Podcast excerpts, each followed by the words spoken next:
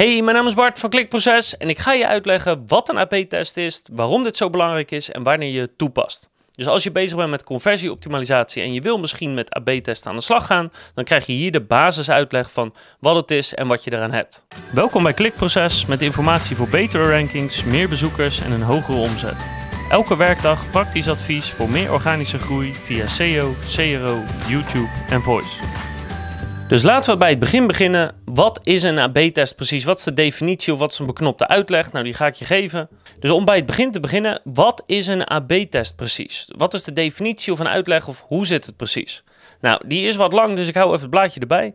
Een AB-test is een methode om twee of meer versies te testen op één variabele, waardoor je ontdekt welke variant beter presteert op vooraf bepaalde prestatieindicatoren. Zo, een hele mond vol.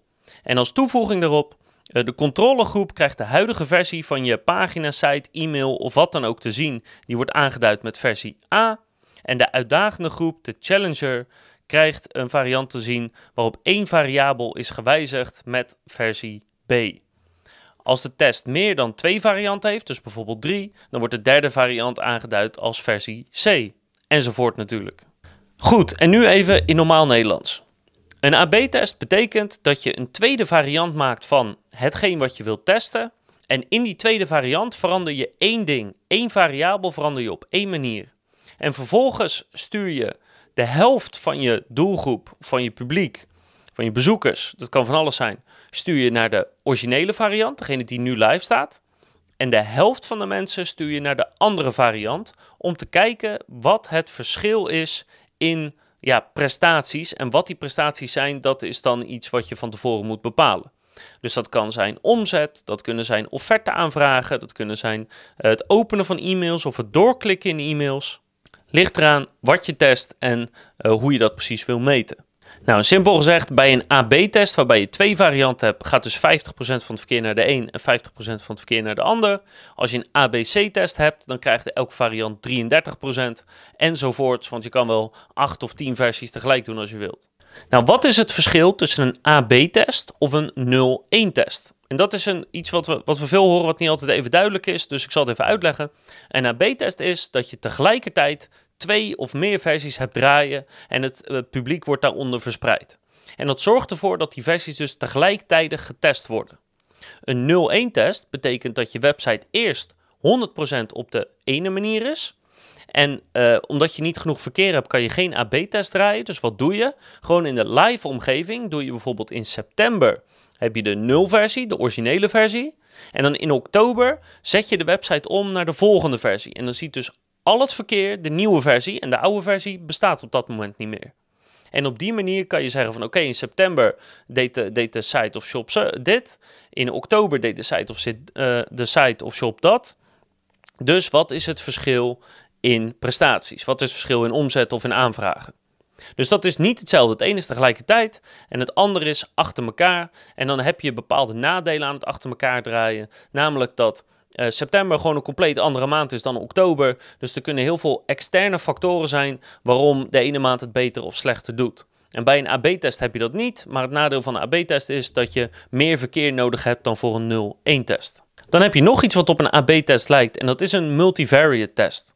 Dus een AB-test is heel duidelijk dat je maar één variabele verandert.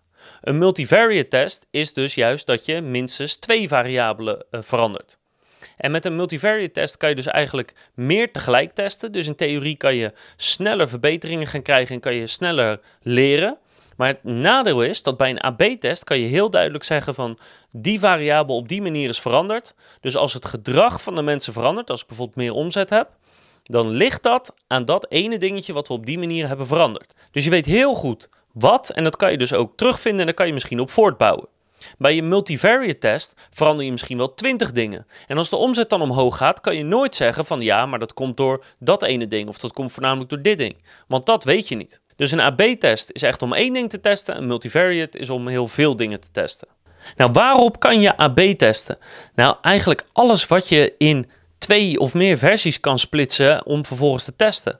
Dus wat heel veel voorkomt is op je website of shop van alles Dus uh, je header, je footer, een bepaalde pagina, een bepaalde soort pagina, dat je bijvoorbeeld alle productpagina's aanpast of alle dienstenpagina's aanpast. Uh, je kan e-mails testen, je kan uh, advertenties testen, zeker op social media bijvoorbeeld, maar ook op Google Ads. eigenlijk alles waarvan je meerdere varianten kan maken die je tegelijk kan laten draaien aan, aan je publiek. Om te zien wat het verschil in gedrag is en het verschil in prestatieindicatoren is. Dat uh, kan je AB testen. Nou, waarom is een AB-test nou zo ontzettend belangrijk? Nou, als je bezig bent met conversieoptimalisatie, dan ga je eerst een heel stuk uh, onderzoek doen. Dan ga je een hypothese vormen en dan ga je denken: oké, als ik dit verander, dan gaat mijn conversie omhoog. Of dan heb ik meer aanvragen, of dan gaat mijn gemiddelde orderbedrag omhoog. Maar dan wordt mijn site of shop beter. Maar er is maar één manier om dat min of meer zeg maar, definitief te testen. En dat is door een AB-test te draaien. Dat is de enige manier waarop je zeker weet dat dat ene uh, variabel, of dat die ene variabel, um, getest is en uh, tegen de huidige versie is afgezet. En op het moment dat de test is gedraaid, dan zie je het resultaat en dan kan je precies meten wat het verschil in gedrag is en of dat je daadwerkelijk helpt. Dus een AB-test is een validatie eigenlijk van je onderzoek en van je gedachtegang om te zien of het in de praktijk ook echt zo is.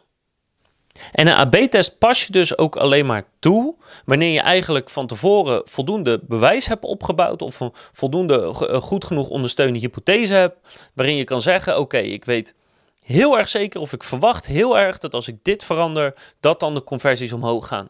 Dan pas ga je een AB-test toepassen en niet van tevoren. Wat je dus absoluut niet moet doen, is dat je een pagina ziet en denkt: Nou, weet je, uh, als ik dit verander, dan denk ik dat misschien wel de conversie omhoog gaat. En dat je dan een AB-test gaat doen. Dat is namelijk zonde van je, van je tijd en van je geld en uh, van het verkeer. Want ondertussen had je misschien een betere test kunnen doen. Dus daar zijn andere momenten voor.